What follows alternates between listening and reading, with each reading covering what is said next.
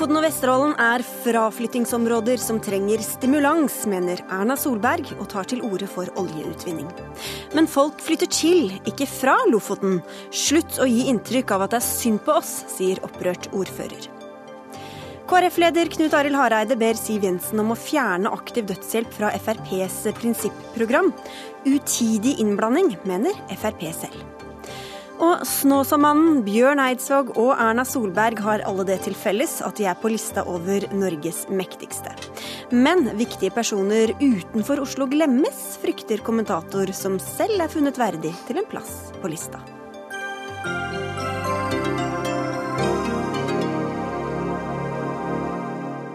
Dette er Dagsnytt 18 på NRK P2 og NRK2 i studio i dag, Sigrid Solund. Og først skal vi til neste års budsjett. For i dag satte regjeringa seg ned for å snekre ferdig det som kan bli det siste forslaget deres til eh, statsbudsjett. Forslaget legges fram den 6. oktober. Og samtlige statsråder ønsker nok flest mulig milliarder til sine gode formål. Og neste år er det stortingsvalg, noe som eh, nok ikke legger noen demper på lysten til å bevilge penger til hjertesaker. Da kan det bli dyrt. Allerede inneværende årsbudsjett er rekordstort på over 1300 milliarder kroner. Så Terje, Terje Breivik, du er nestleder i Venstre og finanspolitisk talsperson. Er du bekymra for at statsrådene lar seg rive med i dag og i morgen? Ja, jeg er klart en viss bekymring. Ja. Erfaringene så langt er jo at eh, det statsbudsjettet som regjeringen kommer til Stortinget med, har i overkant eh, heftig oljepengebruk. Og det er klart, Fortsetter det samme tempoet og eh, det den litt, litt lettvinte løsningen, så er det ikke tvil om at år for år så blir det mer, mindre og mindre bærekraftig bruk av oljepenger. Og faren er åpenbar for at vi, vi, som i dag sitter på Stortinget, sender regningen til kommende generasjoner. Og da har både dere og KrF bedt om å endre denne handlingsregelen. Hva er det dere ønsker å gjøre med den? Nei, ønsker ikke kort og godt altså senke handlingsregelen fra dagens 4% til 3 eh, Og selv 3 eh, oljepengebruk i dag med et oljefond på rekordhøye 7500 milliarder er altfor mye. Eh, det er for mye både på lang, på lang, sikt, åpenbart. Altså 2016 er det første budsjettet hvor vi faktisk bruker mer oljepenger enn det som blir ført til fondet mm. over, over skatter og avgifter. Eh, og det er en åpenbar fare på kort sikt at vi stimulerer norsk økonomi så mye at det går utover de to absolutt viktigste parametrene for å sikre sysselsetting, arbeidsplasser, næringsliv, kronekurs, rentenivå. For alle som ikke husker det, så skal altså handlingsregelen regulere hvor mye oljepenger vi bruker. Svein Flåtten, du er finanspolitisk talsperson fra Høyre, og du kommer rett fra første dag av denne budsjettkonferansen. Hvordan sto det til med spanderbuksene på samfunnets vegne? Nei, I den konferansen så var ansvarligheten i høysetet, som den alltid er.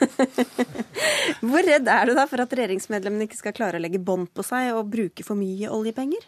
Jeg tror de er også veldig klar over dette. og i forhold til å til å eh, endre på handlingsreglene, som jo er tema her, så vil jeg jo si at norske Det er fint at Venstre ønsker å ansvarliggjøre norske politikere, men de er jo veldig ansvarlige, og det har de vært hele tiden mens vi har hatt handlingsregelen. Terje Breivik er jo selv et eksempel på det. Han, har, han og Venstre og Kristelig Folkeparti har vært med å lage tre budsjetter med med Høyre og Fremskrittspartiet i Stortinget. Og det har vært en oljepengebruk som vi har vært enige om. Og når vi snur oss tilbake og ser på utviklingen som har vært disse siste tre årene, så ser vi at det har vært brukbart tilpasset den situasjonen vi har hatt i, i norsk økonomi. Men vi kan også gå lenger tilbake. Se på gullårene eh, under, eh, med gode konjunkturer under eh, Jens Stoltenberg. Da varierte også oljepengebruken, bl.a. Eh, under finanskrisen måtte man bruke mye. Altså Stoltenberg var i den perioden på opp mot 4% men det er ikke prosenten som teller, det er hvor mye som tåles av penger inn i økonomien, og ikke minst hva de brukes til. Jeg er glad for at vi har eh, hvert år blitt enige med Venstre om hvilken bruk vi skal ha.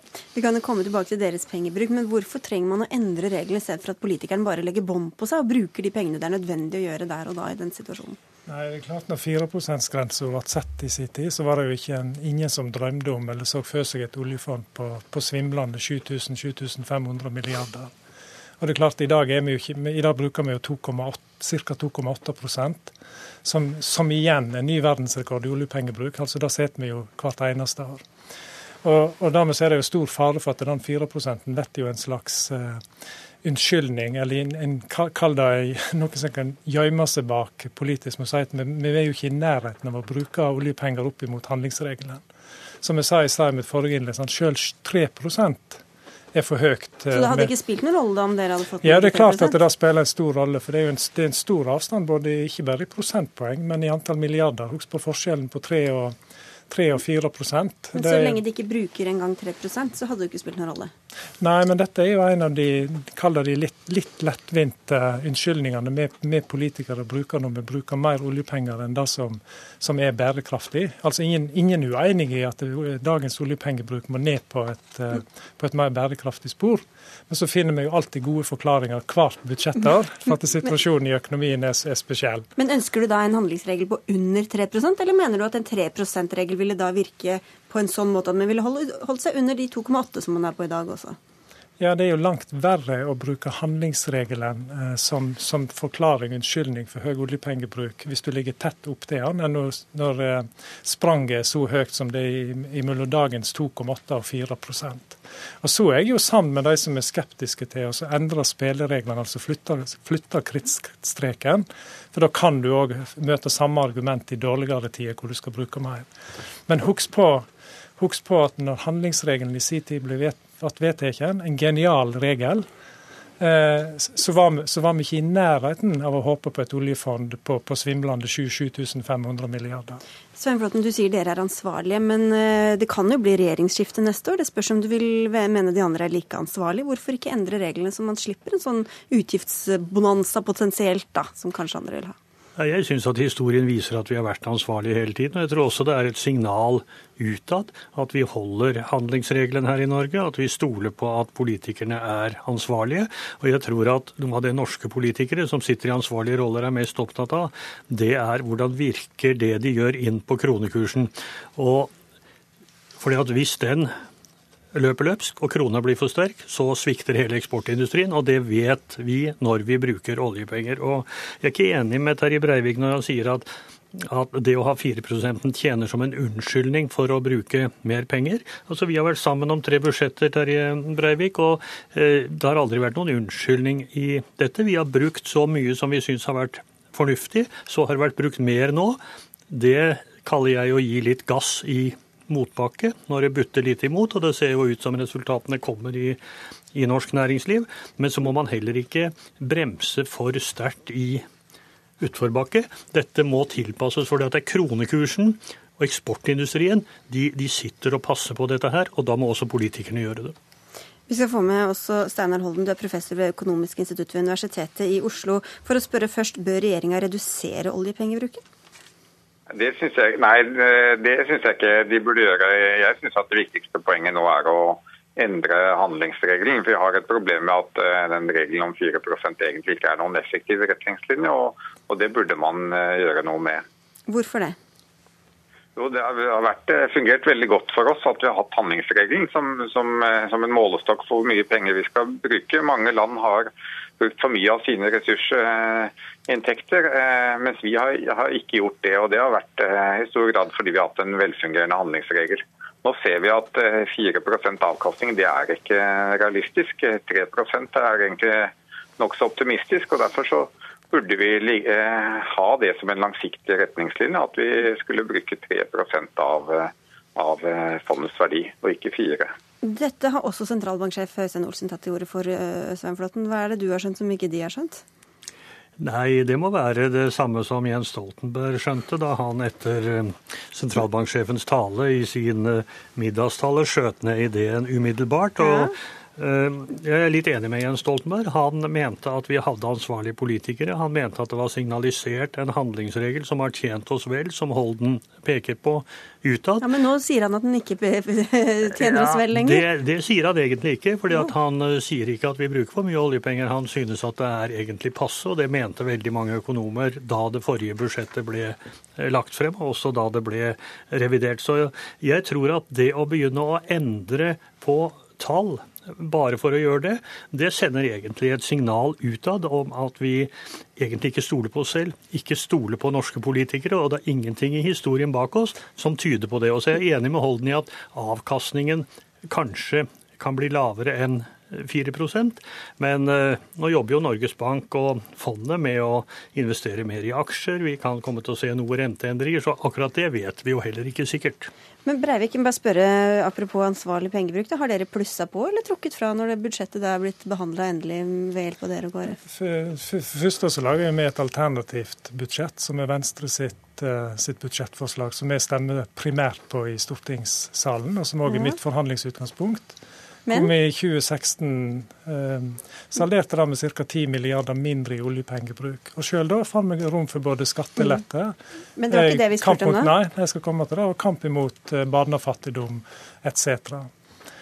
Eh, I budsjettforhandlingene, altså det, det, er jo det som er min bekymring nå. Sant? Det er klart Regjeringen er jo en premissleverandør. Det er betydelig verre å forhandle ned oljepengebruken inn i budsjettrommet eh, enn, enn å og, og, og, altså Min jobb inni er jo veldig ofte å stå imot mer oljepengebruk. For det er jo veldig lettvint å, å finne oljepenger når du, skal, når du skal finansiere de tiltakene som Venstre og KrF har på bordet.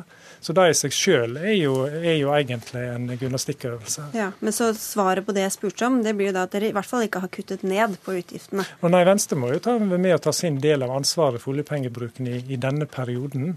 Men det, er,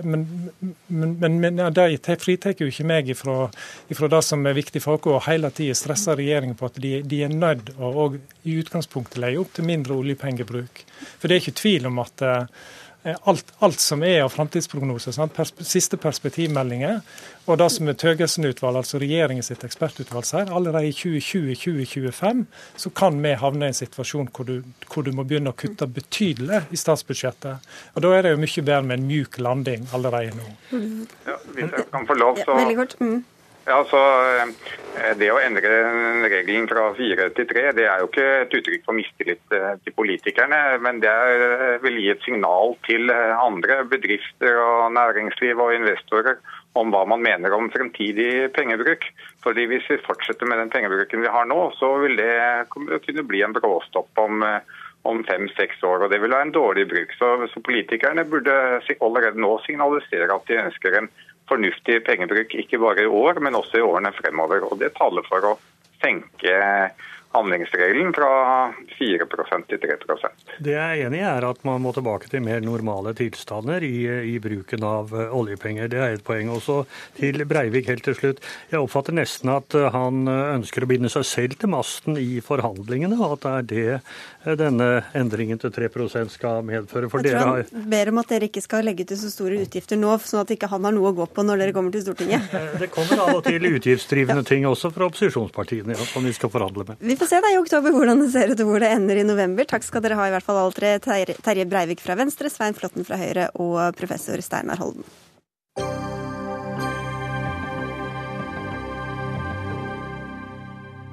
Og for å fylle opp i den statskassa som vi nettopp diskuterte, ønsker regjeringa fortsatt høy aktivitet i petroleumssektoren. Også i det omstridte området utafor Lofoten og Vesterålen ønsker statsminister Erna Solberg å åpne for å lete. Til Dagens Næringsliv i går sa hun Sitat. For Lofoten og Vesterålen hadde det vært positivt om en hadde fått til oljeleting i området. Det har vært fraflyttingsområder som trenger en stimulans. Men en sjekk fra NRK viser at området har opplevd vekst i antall innbyggere de siste ti årene. Ordfører i Flakstad kommune i Lofoten, Hans Fredrik Sørdal fra Arbeiderpartiet, hvordan står det til med fraflytting eller eventuelt tilflytting hos dere? Nei, tilflytting er jo det ordet vi bruker, for det er jo det som er reelt. Eh, vi har jo en, en positiv utvikling i, i befolkninga i Lofoten. Tina Bru, du er stortingsrepresentant for Høyre og sitter i energi- og miljøkomiteen. Hvorfor sier statsministeren at det er fraflytting når det ikke er det? Eh, det statsministeren jo peker på, er at det er et større bilde som gir et inntrykk av fraflytting i, i, Nordland fylke. Eh, hvis man ser på eh, totaltallene fra 1950-tallet f.eks., så er det nå 9000 færre mennesker som bor i det fylket. Holder det ikke med ti år tilbake for å se på utviklingen? Jo, men det er også noen kommuner i det fylket som har fraflytting. Men det er jo i det større bildet i fremtiden at det er viktig å tenke på hvordan skal man opprettholde attraktive arbeidsplasser, hvordan skal man kunne skape vekst i fylket, hvordan skal man få flere til å ikke bare eh, fortsette å bo der, men også kanskje komme tilflyttende fra andre steder i landet. Da er det viktig med, med nye arbeidsplasser, med nye næringer og nye muligheter. Mm, men hun hadde ikke sjekka helt, da. Det var feil det hun sa? Det er, det er noen kommuner som har fraflytting i, i, Nordland fylke, så det er ikke direkte feil. Men ja, det stemmer at siden 2006 er det 500 mennesker flere som har flyttet til fylket. Og da trenger dere stimulans, sier statsministeren. Gjør dere det, Sørdal?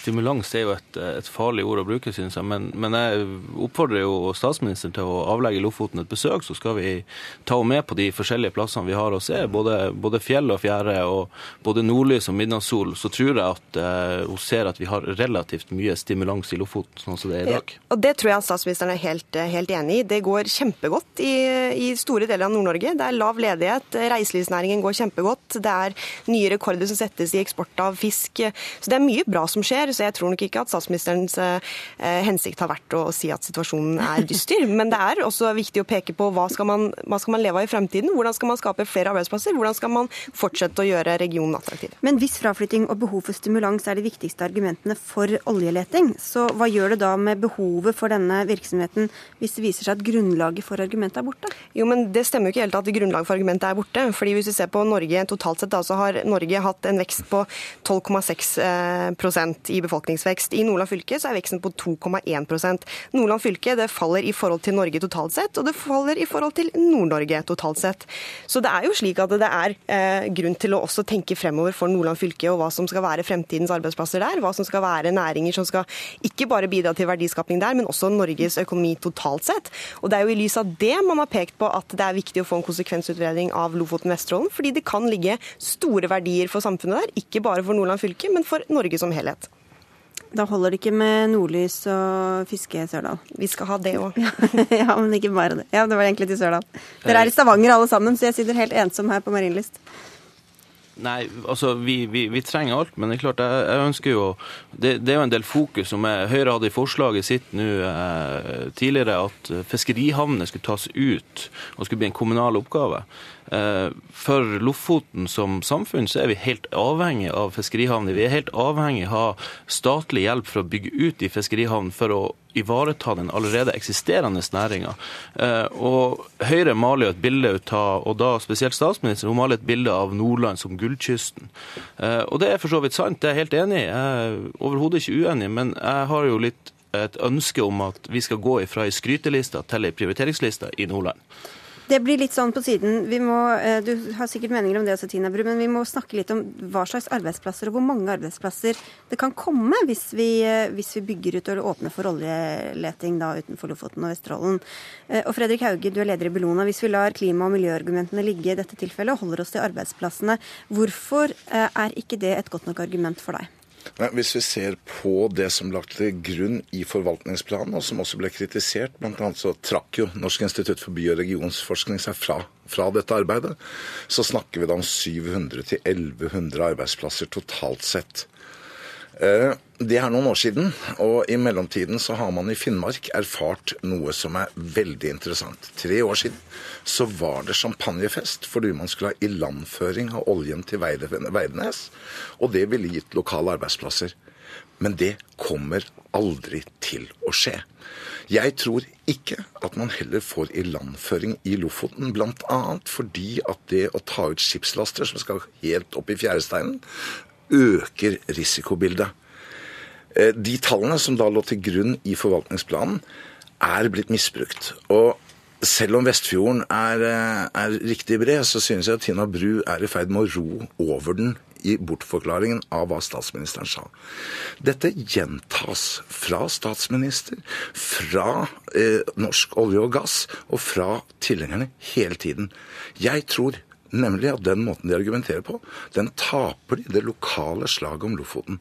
Hver gang man snakker på den måten statsministeren gjorde, som ikke er basert på fakta, så fornærmer man alle de menneskene som lager arbeidsplasser ut ifra de forutsetningene de har nå. Det er mange unge, svært dyktige mennesker i Lofoten. Og jeg er så lei meg på deres vegne hvordan statsministeren prater ned den aktiviteten basert Det- men- på feil fakta ja, men nå og skal vi feil se litt grunnlag. fremover også. Tine Og Bru, ja, men la Tina Bru det blir ikke her. arbeidsplasser i Lofoten Nei. annet enn å rydde opp i oljesøl. Det Ja, er min men jeg, påstand. jeg, må, jeg må bare kort få svare på Ja, det aller først. Altså, alvorlig talt, det er på en måte å, å virkelig trekke uttalelser fra statsministeren inn i det, Nei, det er det verst tenkelige lyset. Jo, fordi at det er ikke noe enten-eller her. Det er ikke slik at statsministeren har sagt at nå skal man slutte med alt det man holder på med i, i, i Nordland, og så kan man kun drive med olje og gass fordi at det man gjør i dag ikke er bra- nok. Det har man på ingen måte sagt. Det Det, er- statsministeren har sagt, er at man peker på fremtidsmuligheter. Det mener jeg er positivt. Det er en positiv utvikling i hele Nord-Norge, også Det mye takket være den politikken denne regjeringen fører. Så jeg syns at du trekker uttalelsen til statsministeren vel langt i, Ja, du i denne ror vel langt, for å si det sånn. For å være helt ærlig, statsministeren har et særdeles stort ansvar for en faktabasert debatt. Det er en tilflytning til Lofoten. Det er svært mye positivt som har skjedd i Lofoten med initiativer. Og jeg synes at dette gjentas av norsk olje og gass og de tilhengerne hele tiden. Ja, skal- det skal blir ikke ikke mer sant av statsministeren det har vi også vært gjennom med- med Sørdal fra Flakstad her. Men Tina Bru, hvis du kan svare på hvordan vet dere at det blir noen særlig arbeidsplasser lokalt å snakke om i det hele tatt, dersom man går for utbygging? Det vil jo også selvfølgelig ha noe å si om det blir en ilandføring eller ikke, eller hva slags utbygging det blir. og Det er nettopp derfor det er viktig med en konsekvensutredning også, for å få se hva mulighetene faktisk er. Eh, Men man kan se på andre eksempler. Vi ser på Snøhvit, ser på Hammerfest-området. Snøhvit er 600 arbeidsplasser, eh, betaler 150 millioner i eiendomsskatt eh, inn årlig. Det er mye penger, mange arbeidsplasser. Hammerfest har fått en kjempeutvikling takket være olje- og gassindustrien som har etablert seg der oppe. Og så når man snakker om ilandføring, altså selv bor jeg i, i Rogaland, jeg bor i Sandnes kommune. Vi har ikke hatt noe ilandføring i denne regionen. Allikevel er det masse masse arbeidsplasser, masse aktivitet. Det er bare å ta seg en tur rundt på oljemessa i Stavanger denne uka her, så vil man se gode eksempler på det. Så det er ingen tvil om at dette selvfølgelig trekker med seg gode ringvirkninger, også lokale arbeidsplasser. Men så vil det selvfølgelig også variere på hva slags utbygging det får, akkurat hvor mange det blir. Men Fredrik Hauge, jeg skal deg, stille deg et spørsmål også. Vi har snakket med Niber og SSB og Universitetet i Tromsø, og det er ingen som tør å si noe sikkert om et eventuelt løft eller flere arbeidsplasser. Eh, verken på plussida eller om det ikke blir. Så hvordan kan du være så sikker på at det ikke blir det? Vi har hatt veldig mange runder i forbindelse med forvaltningsplanen. Vi avslørte store feil i beregningsgrunnlaget i forvaltningsplanen, og man måtte regulere ned dette.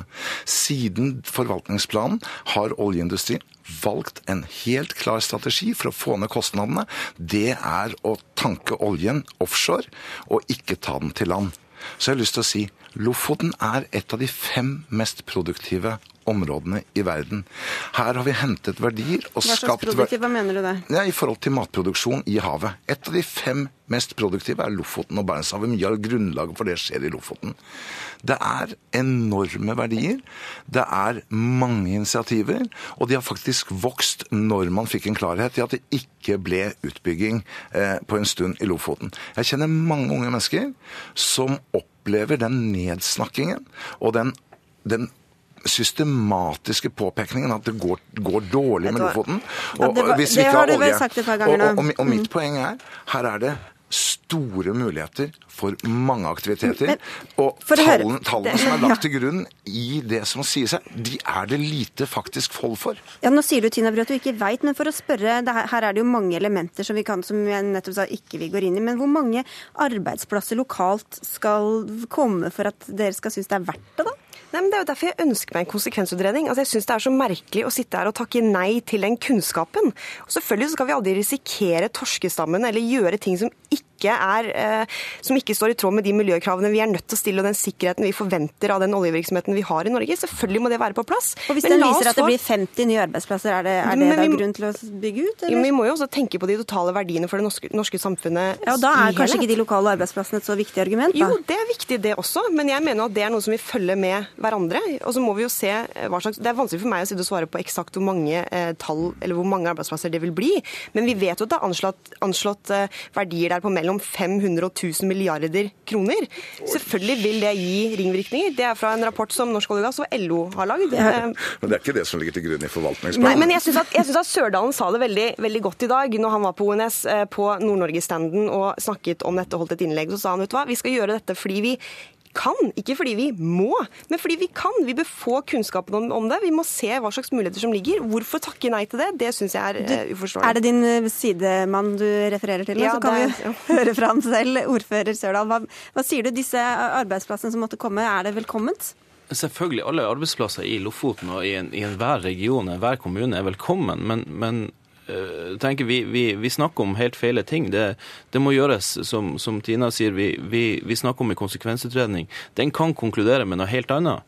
Eh, men kunnskapen og det som blir viktig for meg, det er at jeg er ordfører i et fiskerisamfunn, eh, og vi har nå i sommer opplevd veldig mange turister. Det er noe som vi må ivareta. Vi må ivareta det også inn i fremtida. Vi må ikke forsake det Eh, på, eh, på, bekostning av noe annet. Eh, men la oss nå få kunnskapen på bordet. Så lar vi kunnskapen danne det nye grunnlaget for å ta en riktig avgjørelse i, i neste omgang. Vi får la det bli siste ord. Takk for at dere var såpass siviliserte fra Stavanger mot meg her. Takk, Hans Fredrik Sørdal, altså ordfører i Flakstad kommune, Tina Bru fra Høyre og Bellonas Fredrik Hauge. Dagsnytt 18 alle hverdager klokka 18. På NRK P2 og NRK2.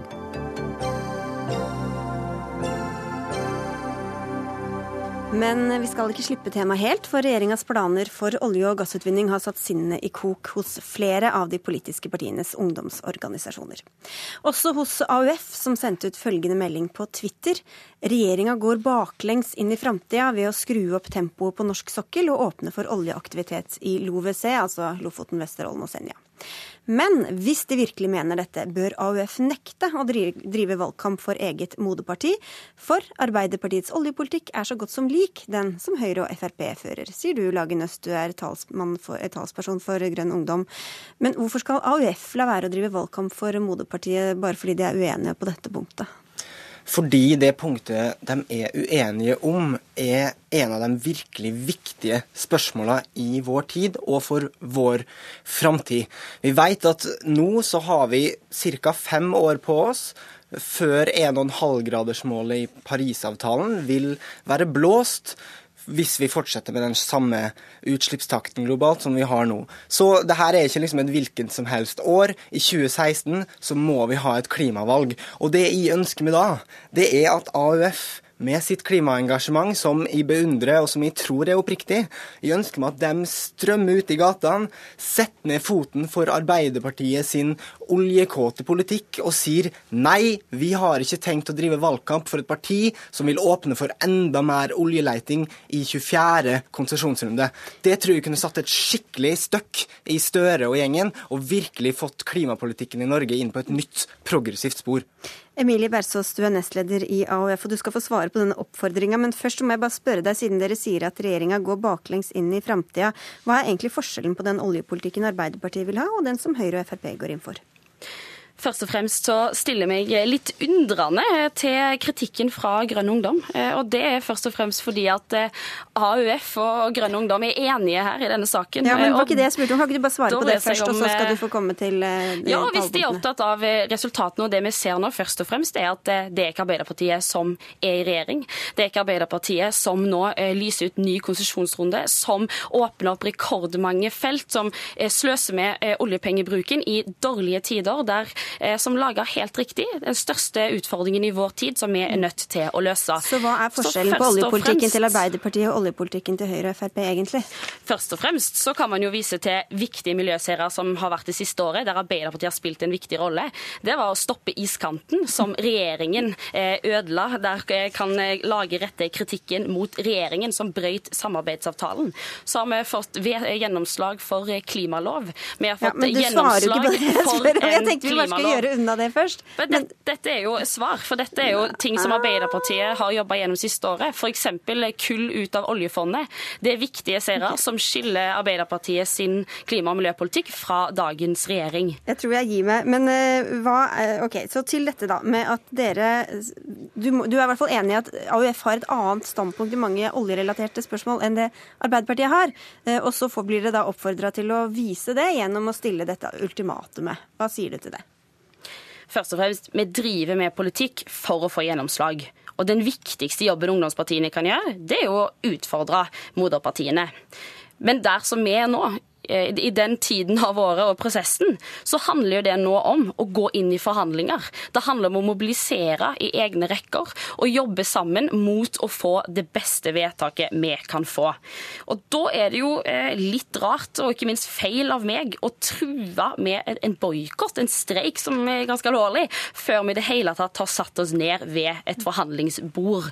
Eh, og Det er jo det jeg stiller meg litt undrende til. fordi hvis Grønn Ungdom bryr seg så mye om om resultatet, så er det litt rart eh, å kritisere de som er enige med de, og, der, eh, og den siden av norsk politikk hvor de kan få mest gjennomslag for sin klimapolitikk.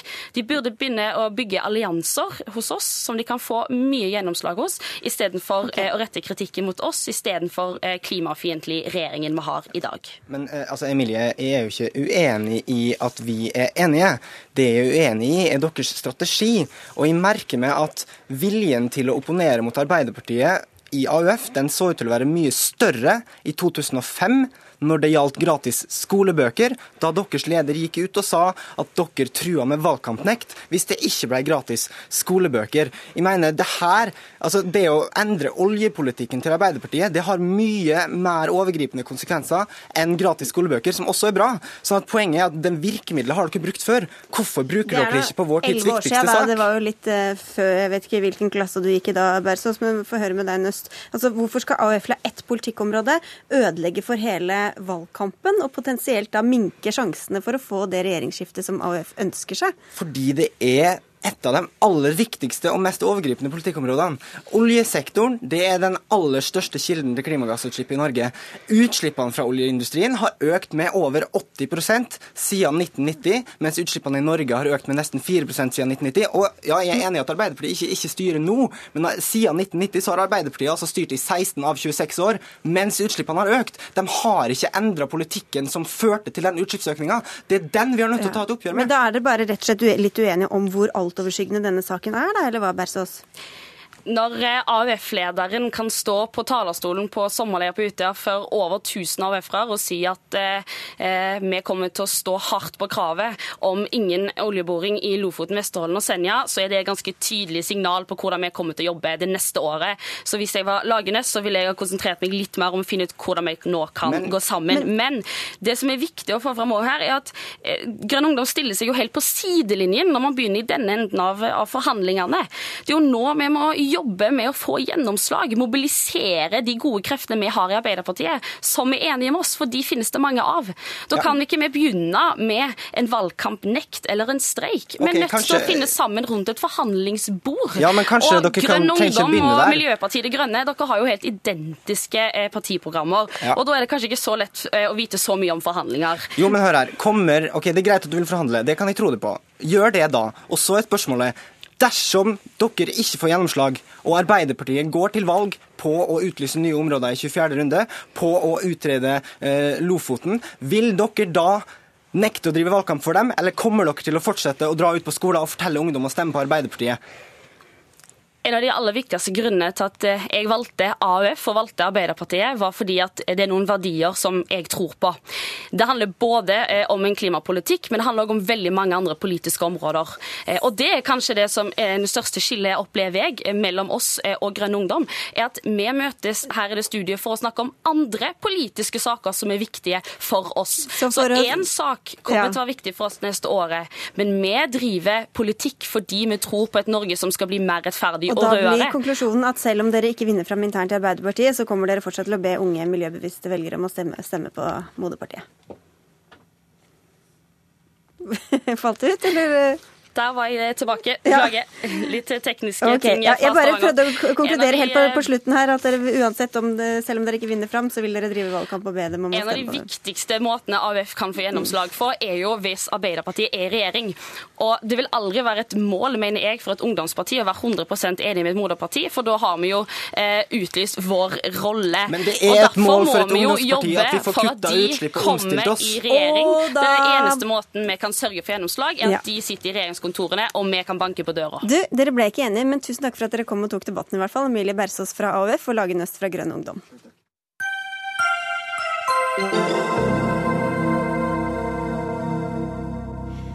For vi har flere temaer her om aktiv dødshjelp, nemlig et eh, tema som virkelig splitter Fremskrittspartiet og Kristelig Folkeparti. I et innlegg i Vårt Land går KrF-leder Knut Arild Hareide så langt at han ber Siv Jensen om å ta steget fullt ut og fjerne ønsket deres om aktiv dødshjelp fra prinsipprogrammet til Frp. Og dette kaller du utidig innblanding, Kari Kjønaas Kjos. Du er eh, helsepolitisk talsperson for Frp. Hva er det ved det Hareide gjør som eh, du opplever som utidig innblanding? For det første så har jo vi en uh, samarbeidsavtale hvor uh, tema aktiv dødshjelp ikke er en del av det. Derfor så har jo heller ikke Fremskrittspartiet løftet det temaet i denne stortingsperioden. Uh, og jeg finner det litt underlig med tanke på alle de store helsesakene vi jobber med, at han, at han løfter den debatten.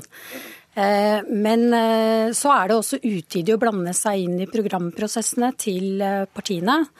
Eh, I vårt parti så er det sånn at det er eh, grasrota som eh, er med på å revidere hele partiprogrammet og har mulighet til å spille inn og komme med sine ønsker.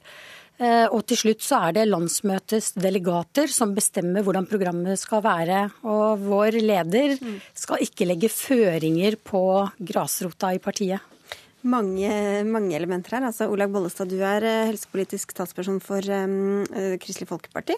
Hvorfor skal dere blande dere inn i prinsipprogrammet og, og programarbeidet til et annet parti? Jeg tror ikke at Knut Arild ber om å blande seg inn, men han ber om et svar. Fordi at når det står i prinsipprogrammet, og hver gang vi har disse debattene fordi debattene om, om aktiv dødshjelp kommer jo opp med jevne mellomrom, da har jo Siv Jensen en gang svart at det skal vi ikke tenke så mye på, for det ligger i stabilt sideleie i programmet deres. Eh, eller vi skal ikke legge så mye vekt på det, har hun svart en annen gang. Men dette er egentlig en ganske grunnleggende ting eh, på hvordan er det vi framover skal se på det å være alvorlig syk, enten du er ung eller gammel, eh, hvordan livet skal være, og hva er det som skal styre livets slutt. Og det, det er svar som er viktige for KrF å faktisk få et svar på. Men, men, så det er nok det, er, det, som har vært utgangspunktet for hans spørsmål. Prinsipprogrammet det, jo mye, det sier jo ikke så mye om hva man skal gjøre i løpet av den neste stortingsperioden. I det programmet der står det ingenting om aktiv dødshjelp for denne inneværende perioden i hvert fall. Så, og, og, det er jo et tema som, som du nevnte selv, Siv Jensen har sagt at ikke er aktuelt eller har vært aktuelt. Så utover å måte, gjøre konservative velgere oppmerksom på det. Hvorfor skal dere i det hele tatt trekke det opp når ikke Nei, det er på agendaen? Vi har hatt en debatt i, i, Stortinget i denne perioden om aktiv dødshjelp, fordi vi har hatt eh, Det var en debatt som gikk i utlandet, som var en del av debatten her. Jeg foreslo til og med et, eh, et, et eh, Dokument 8-forslag som betyr at jeg som representant har et forslag som går på omsorg ved livets slutt. Nettopp fordi dette er en debatt som ruller og går, og som nå har på en måte blitt litt sånn romantiserte, kan jeg si, i forhold til et helt til halvt år. Sant vel, som òg har vært med både på film og i bok, og, løy, og, og lufta den, den, tanken, og som på en måte litt snikinnfører en ganske alvorlig debatt, egentlig. Og Derfor så var det viktig for oss å lufte debatten. Ja, altså Jeg reagerer jo på at man kaller aktiv dødshjelp for å romantisere. Eh, jeg tror at det er flere enn meg som har eh, sittet ved en sykeseng eh, ved livets slutt og som gjerne skulle vært den siste tiden foruten. Eh, det er ikke sånn at vi klarer å gi alle en god og trygg og verdig død. Dessverre er det sånn. Men det har vi jo tatt tak i, og det er vi enige om. At vi skal gjøre denne siste reisen veldig mye bedre. Eh, og vi har eh, bevilget penger, vi har gjort lovendringer, og vi får nå en NOU i forhold til å, å gjøre denne tiden bedre. Men det utelukker jo ikke at det er et stort flertall i befolkningen som ønsker at vi skal løfte aktiv dødshjelp opp og vurdere det. Og det er akkurat det, eh, derfor dette ligger i prinsipprogrammet til Fremskrittspartiet. Vi har ikke svarene på hvordan dette skal gjøre, hvordan det skal avgrenses eh, og hvordan vi skal gjennomføre det. Men vi ønsker at vi skal få en utredning og få en reell diskusjon på det. Derfor ligger det i prinsipprogrammet. Men, men, det er også veldig sterke uenigheter internt i Fremskrittspartiet om, eh, om, dette, som sikkert i mange andre partier. Er du redd for at det Hareide nå sier, at det kan påvirke dine egne uh, lagkamerater, holdt jeg på å si? I så fall eh, så tror jeg kanskje at det trigger grasrota ja. til å faktisk fortsette å ha det der. Men eh, dette er jo eh, et såpass alvorlig tema at det er ikke noe eh, underlig hvis eh, det er personer i vårt parti også som er imot det. For det rører jo veldig med, med livet. Slik at, eh, men jeg tror ingen er 100% enig absolutt i, innen sitt parti. Så her også vil det være noen som er imot, men det er et stort flertall i partiet som ønsker det. Men når jeg sa det med romantisering, så var det den boka og den filmen som har gjort det. Fordi det har vært en diskusjon. sant? Og, og, og jeg vet, som har jobba i helsevesenet i mange år, at det er ingen romantisk opplevelse å sitte med et dødsleie. Men jeg mener at svaret er ikke da aktiv dødshjelp. Svaret er faktisk at vi ikke er gode nok på smertelindring. Vi er ikke gode nok til å møte en helhetlig omsorg ved livets slutt. Enten det gjelder unge som skal dø, eller det gjelder eldre som skal dø. Og det er det jeg mener vi må ta tak i hele livet, sånn at vi faktisk er i stand til å gi folk den omsorgen og den pleien og den smertelindringen de faktisk fortjener ved livets slutt. Men Du sier at, at det Hareide har bedt om er egentlig en avklaring. Hva hvis de da faller ned på motsatt side da, og, og, går, og mer aktivt går inn for, det, for å ha et standpunkt på dette spørsmålet? Og det har Frp full rett til. Men det betyr for vår side at det er et av de punktene som vil bety noe for veivalget vår. For veivalget vårt i 2017 handler om politikk, ikke om hvem vi samarbeider med. Og det er klart, det å samarbeide om så alvorlige tema, det er ett av mange saker som vi da må vurdere. Og for meg og for KrF så betyr det at det er et syn på mennesket, det er et syn på livet, som vi må tenke gjennom i forhold til samarbeidspartnere. Ja, jeg syns det er litt sånn underlig at KrF snakker veldig mye om at det er et syn på livet. Eh, Og eh, Hareide bruker veldig mye dette med verdig liv i, i sin kronikk. Og jeg tror at eh, alle mennesker har litt forskjellig oppfatning av det. Verdighet for meg, det er faktisk at jeg skal få gjøre mine valg. Og jeg blir provosert av at Hareide mener at han skal ta de valgene for meg. Og Her er det en lang debatt, men bare helt kort til slutt. da, Tror du at dere kommer til å komme med noe tydeligere standpunkt på aktiv dødshjelp nå i løpet av denne programprosessen? Ja, Det er helt umulig for meg å si. Jeg sitter ikke i den programkomiteen, så jeg vet ikke hva slags type innspill som har kommet. Men, men, men valget blir jo heller ikke at vi skal bestemme at en lege eller en sykepleier skal ta vårt liv. Det er jo et helt annet spørsmål òg. Sånn at vi skal redde liv og ikke ta liv. Det er dere sikkert, sikkert helt enige om også, men vi får ta den andre aktiv dødshjelp-debatten en annen dag. Takk skal dere ha i hvert fall i denne omgang, Kari Kjønaas Kjos fra Arbeiderpartiet og Olaug Bollestad fra Kristelig Folkeparti. Nei, unnskyld!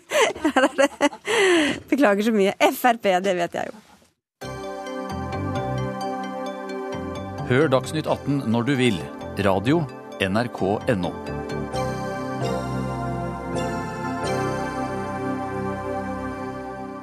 Elektronikkgiganten Apple går på en kjempesmell i Irland etter at EU-kommisjonen har konkludert med at selskapet fikk ulovlig statsstøtte.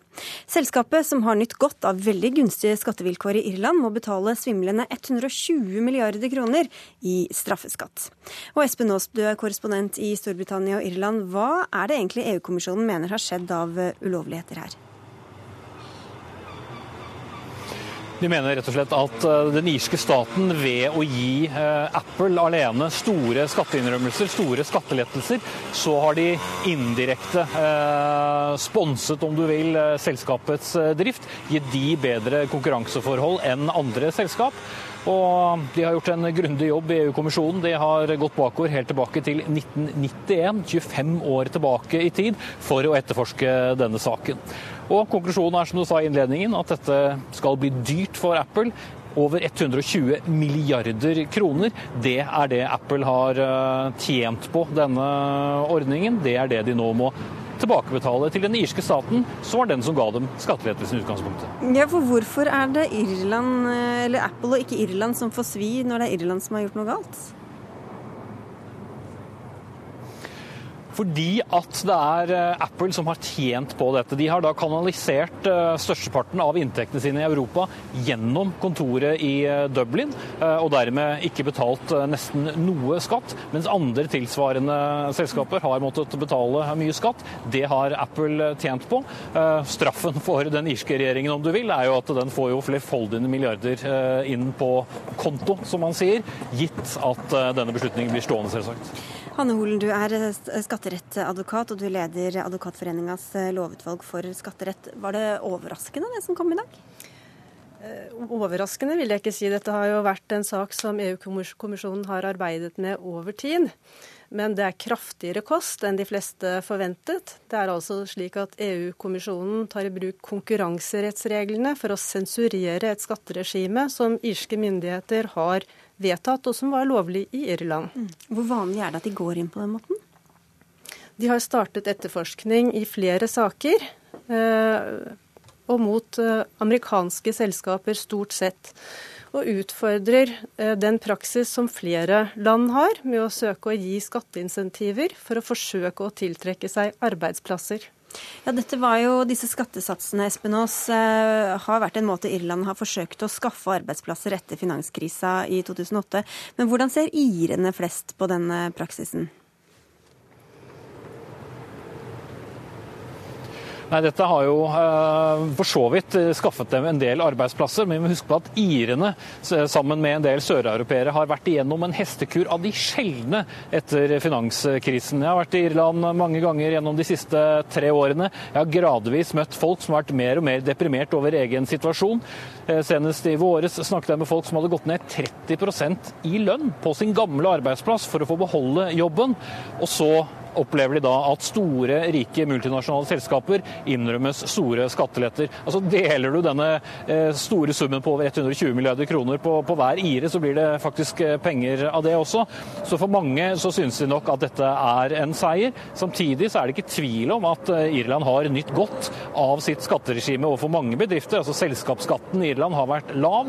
Når du kjører inn til Dublin, så gjenkjenner du ganske mange logoer som troner mot den irske himmelen.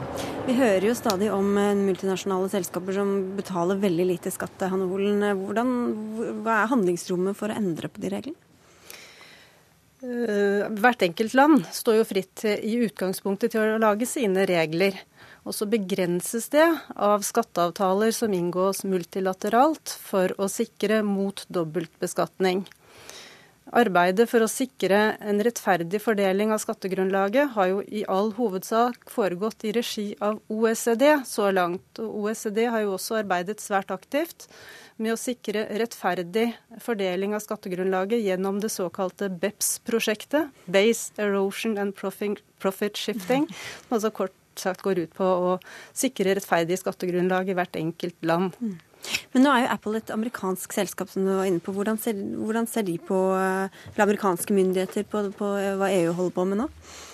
Ja, Nå uttaler jeg meg ikke om en enkelt sak, men amerikanske myndigheter ved Finansdepartementet har gått særdeles kraftig ut. De mener at EU-kommisjonen tiltar seg en rolle som overnasjonal eh, skattefut, som sensurerer lovlige avtaler, også avtaler inngått i regi av OECD.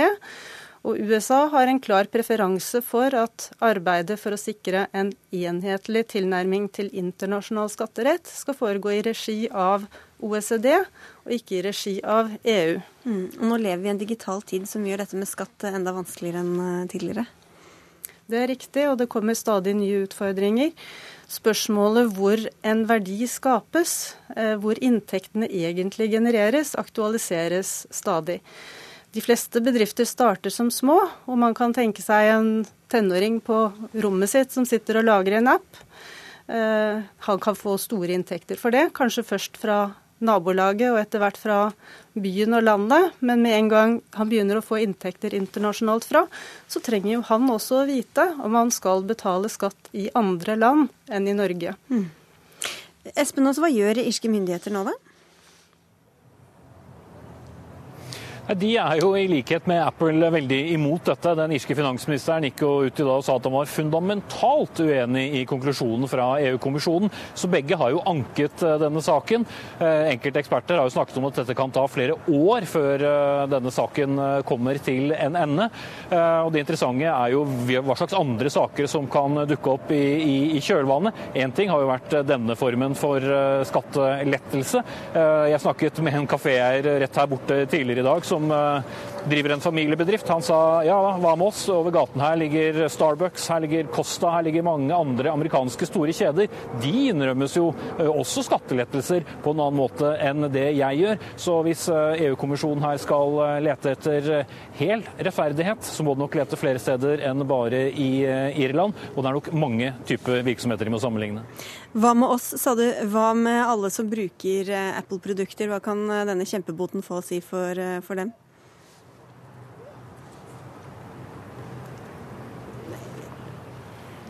Jeg tror ikke det vil få noen store konsekvenser. Jeg har i hvert fall min telefon og er ikke bekymret for å bruke den videre.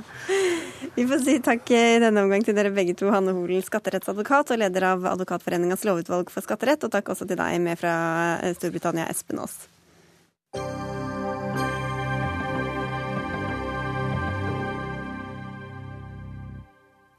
Mange i eh, norsk kultur, samfunns- og næringsliv har nok vært spent i dag da boka 'Makteliten' ble gitt ut, hvor de 252 mektigste personene i Norge blir lista opp.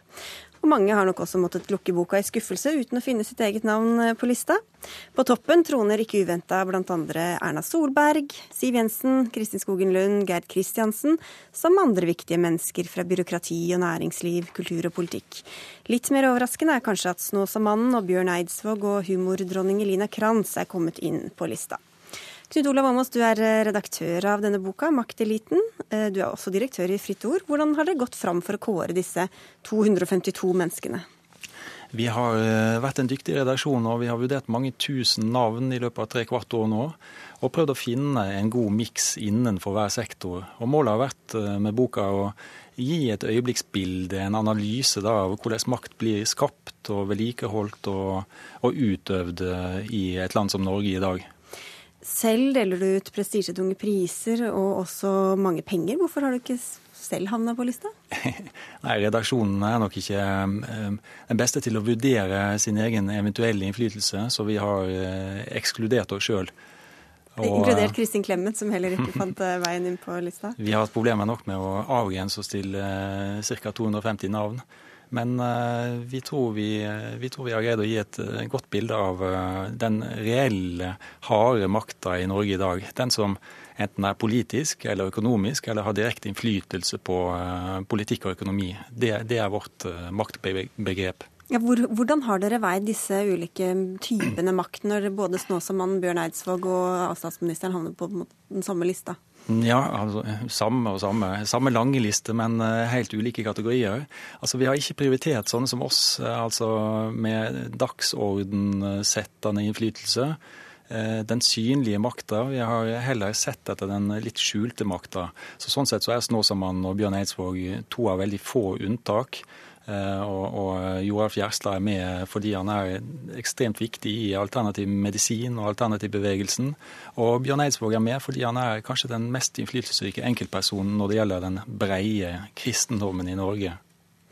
Trine Eilertsen, du er politisk redaktør i Aftenposten. og Jeg får begynne med å gratulere. Du er en av dem som er funnet uh, tung nok til å være med på denne eksklusive lista. Mm. Ble du letta, eller? Ja, det var, det var, et godt rykte. Spre det gjerne, sier jeg. Ja. Uh, altså, det, det er mange forskjellige sånne kåringer og makkåringer med forskjellige kriterier. Uh, og og Det, det jeg syns er interessant med det, at de til sammen gir et bilde, men det er veldig få av de, faktisk ingen, som klarer å gi et sånn fullstendig bilde av makt i Norge. Fordi at de som sitter der, har sine begrensninger. De har et begrenset nettverk, tross alt. Selv eh, Knut Olav Åmås har et begrenset nettverk. Eh, sånn at det vil være makt de ikke ser. og Derfor er det viktig at vi har mange forskjellige typer maktkåringer. For maktkåringer er viktig fordi at det viser frem makt eh, og gjør at vi diskuterer makt. Eh, og makt, også sånn makt som jeg har, for det er klart jeg har makt i min rolle, eh, syns det skal diskuteres og utfordres som all annen makt. Men om oss til sammensetninga, fortell hvem er det som sitter i redaksjonskomiteen deres? Ja, altså Jeg er redaktør for boka. Så har vi Kjetil Widsvang, kommentator i Dagens Næringsliv. Kristin Clemet, som leder tankesmia Civita. Vi har Aksel Bården Sterri, som er kommentator i Dagbladet. Og eh, vi har også med oss Svein Egil Omdal, som har analysert eh, kultur og medier for oss. Mange pressefolk. Hvor godt skjønner dere maktstrukturene i alle deler av næringslivet, i shippinglivet og kulturlivet for den saks skyld? Ja, det er et godt spørsmål. Og som Trine Eilertsen sier, vi har helt sikkert våre begrensninger. Vi har prøvd å bruke ganske mange kilder over hele landet, og, og spesielt miljøer vi ikke kjenner så godt. Og, men det har vært virkelig vanskelig å finne folk som ikke liker seg i offentligheten, f.eks. For forretningsadvokater og Eh, og en del, eh, en del, eh, folk i finansnæringene som, som, som ikke, ikke, liker seg i offentligheten. Men dere har funnet dem, eller? Ja, noen iallfall. det er vanskelig å si hvem man ikke har funnet. Vi, vi får overlate resten til Trygve Hegnar. Ser du noen som mangler Trine Ellersen? Jeg, jeg, har eh, skummet i boken, og det er helt, altså helt sikkert noen som maler ikke sånn helt åpenbare. Det er jo noen som har eh, diskutert hvorfor ikke Rolf Erik Ryssdal i Skipsted er der, og når det er mange andre i Skipsted som er der, eh, og hvorfor ikke Google-sjefen er der. Men jeg synes det egentlig gruppen da argumenterer ganske, ganske godt for det. Det jeg syns er, er, interessant med dette prosjektet, er nettopp det forsøket på å prøve å gå under de organisasjonskartene. Eh, lette litt på de og se hvem som eh, sitter eh, og påvirker de som har den formelle makten. Eh, gå og se på statssekretærer, gå og se på rådgivere, gå og se på egentlig direktorater òg, for den saks skyld. Eh, og akkurat i det landskapet der tror jeg det er veldig mye makt som de fremdeles ikke har funnet ut av. Hvem er det de som har mest formell formell makt faktisk lytter til. Hvem er de tre de ringer til og sier nå skal jeg ta en veldig viktig beslutning, hva er din vurdering? Altså Her er det et, et, en gruppe mennesker som, som hadde vært utrolig interessant å få vite enda mer om. og Jeg vet at det har vært ambisjonen, men der tror jeg det er mye arbeid igjen å gjøre. Ja, for, for Dere jo, kjenner jo mange som Trine Elsen sier, har sikkert et stort nettverk til sammen. Men hvordan mm. veit dere liksom at dere, de, de, som er litt mer lukka, hvordan vet dere hvem de lytter til? Nei, Da må vi bruke skjønn og dømmekraft eh, til, til sjuende og sist, og, og, snakke med folk som har litt uf, ulike innfallsvinkler til, eh, til miljøet. Men jeg er helt enig i det Trine Eilertsen sier. og Du kunne jo redigere en ny bok bare om, bare om bakmennene. Bakmennene, ja. Det, ja det, det, er jo en uh, kjempejobb. Og kvinnene, selv om, det, selv om, det, da ikke er så fryktelig mange kvinner i vår bok. Vi mener det avspeiler maktforholdene i Norge, iallfall på toppen. Verken kvinner eller minoriteter? Ja, og det, avspeiler virkeligheten, enten man liker det eller ikke, tror vi. 30 av, av de navnene vi har med, er, er kvinner. Og i næringslivet er det enda færre. 20 men til litt sånn hvor nøytrale dere er. Jeg fant en liten passasje fra tidligere Høyre-statsråd Kristin Clemet, som bl.a. skrev at Høyres Nikolai Astrup han argumenterer med fornuften og bruker fakta, tall og statistikk, mens Arbeiderpartiets Martin Kolberg bruker pompøse ord og uttrykk for å appellere til folks følelser med et lavt presisjonsnivå. Hvor uhildet har dere vært her? Nei, nei får, denne artikkelen står for Kristin Clemet sin, sin, egen regning, eh, signert av henne. Så det får hun svare på sjøl. Men dere har jo gått sammen når dere da skal velge fram disse menneskene? Det, det har vi, og, og, jeg tror ikke listene våre og utvalget vårt har noen uh, politisk slagside. Redaksjonen er ganske, ganske nøkternt sammensatt sånn sett.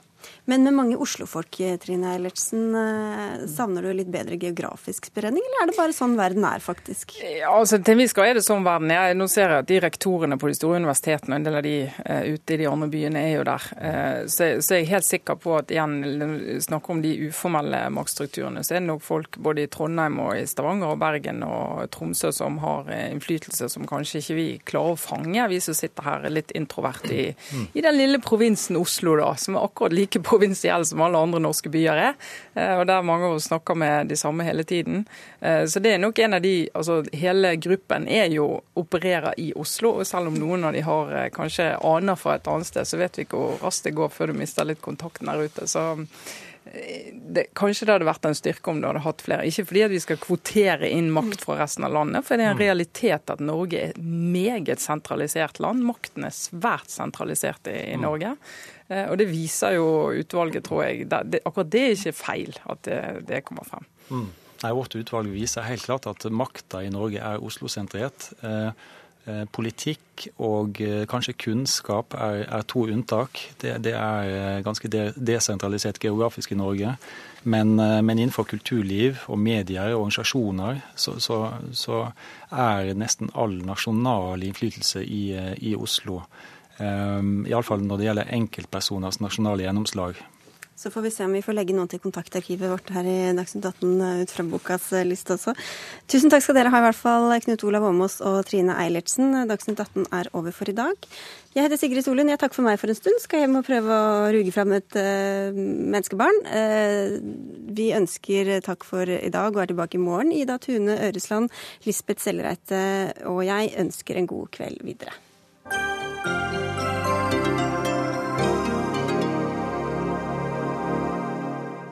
Hør flere podkaster på nrk.no podkast.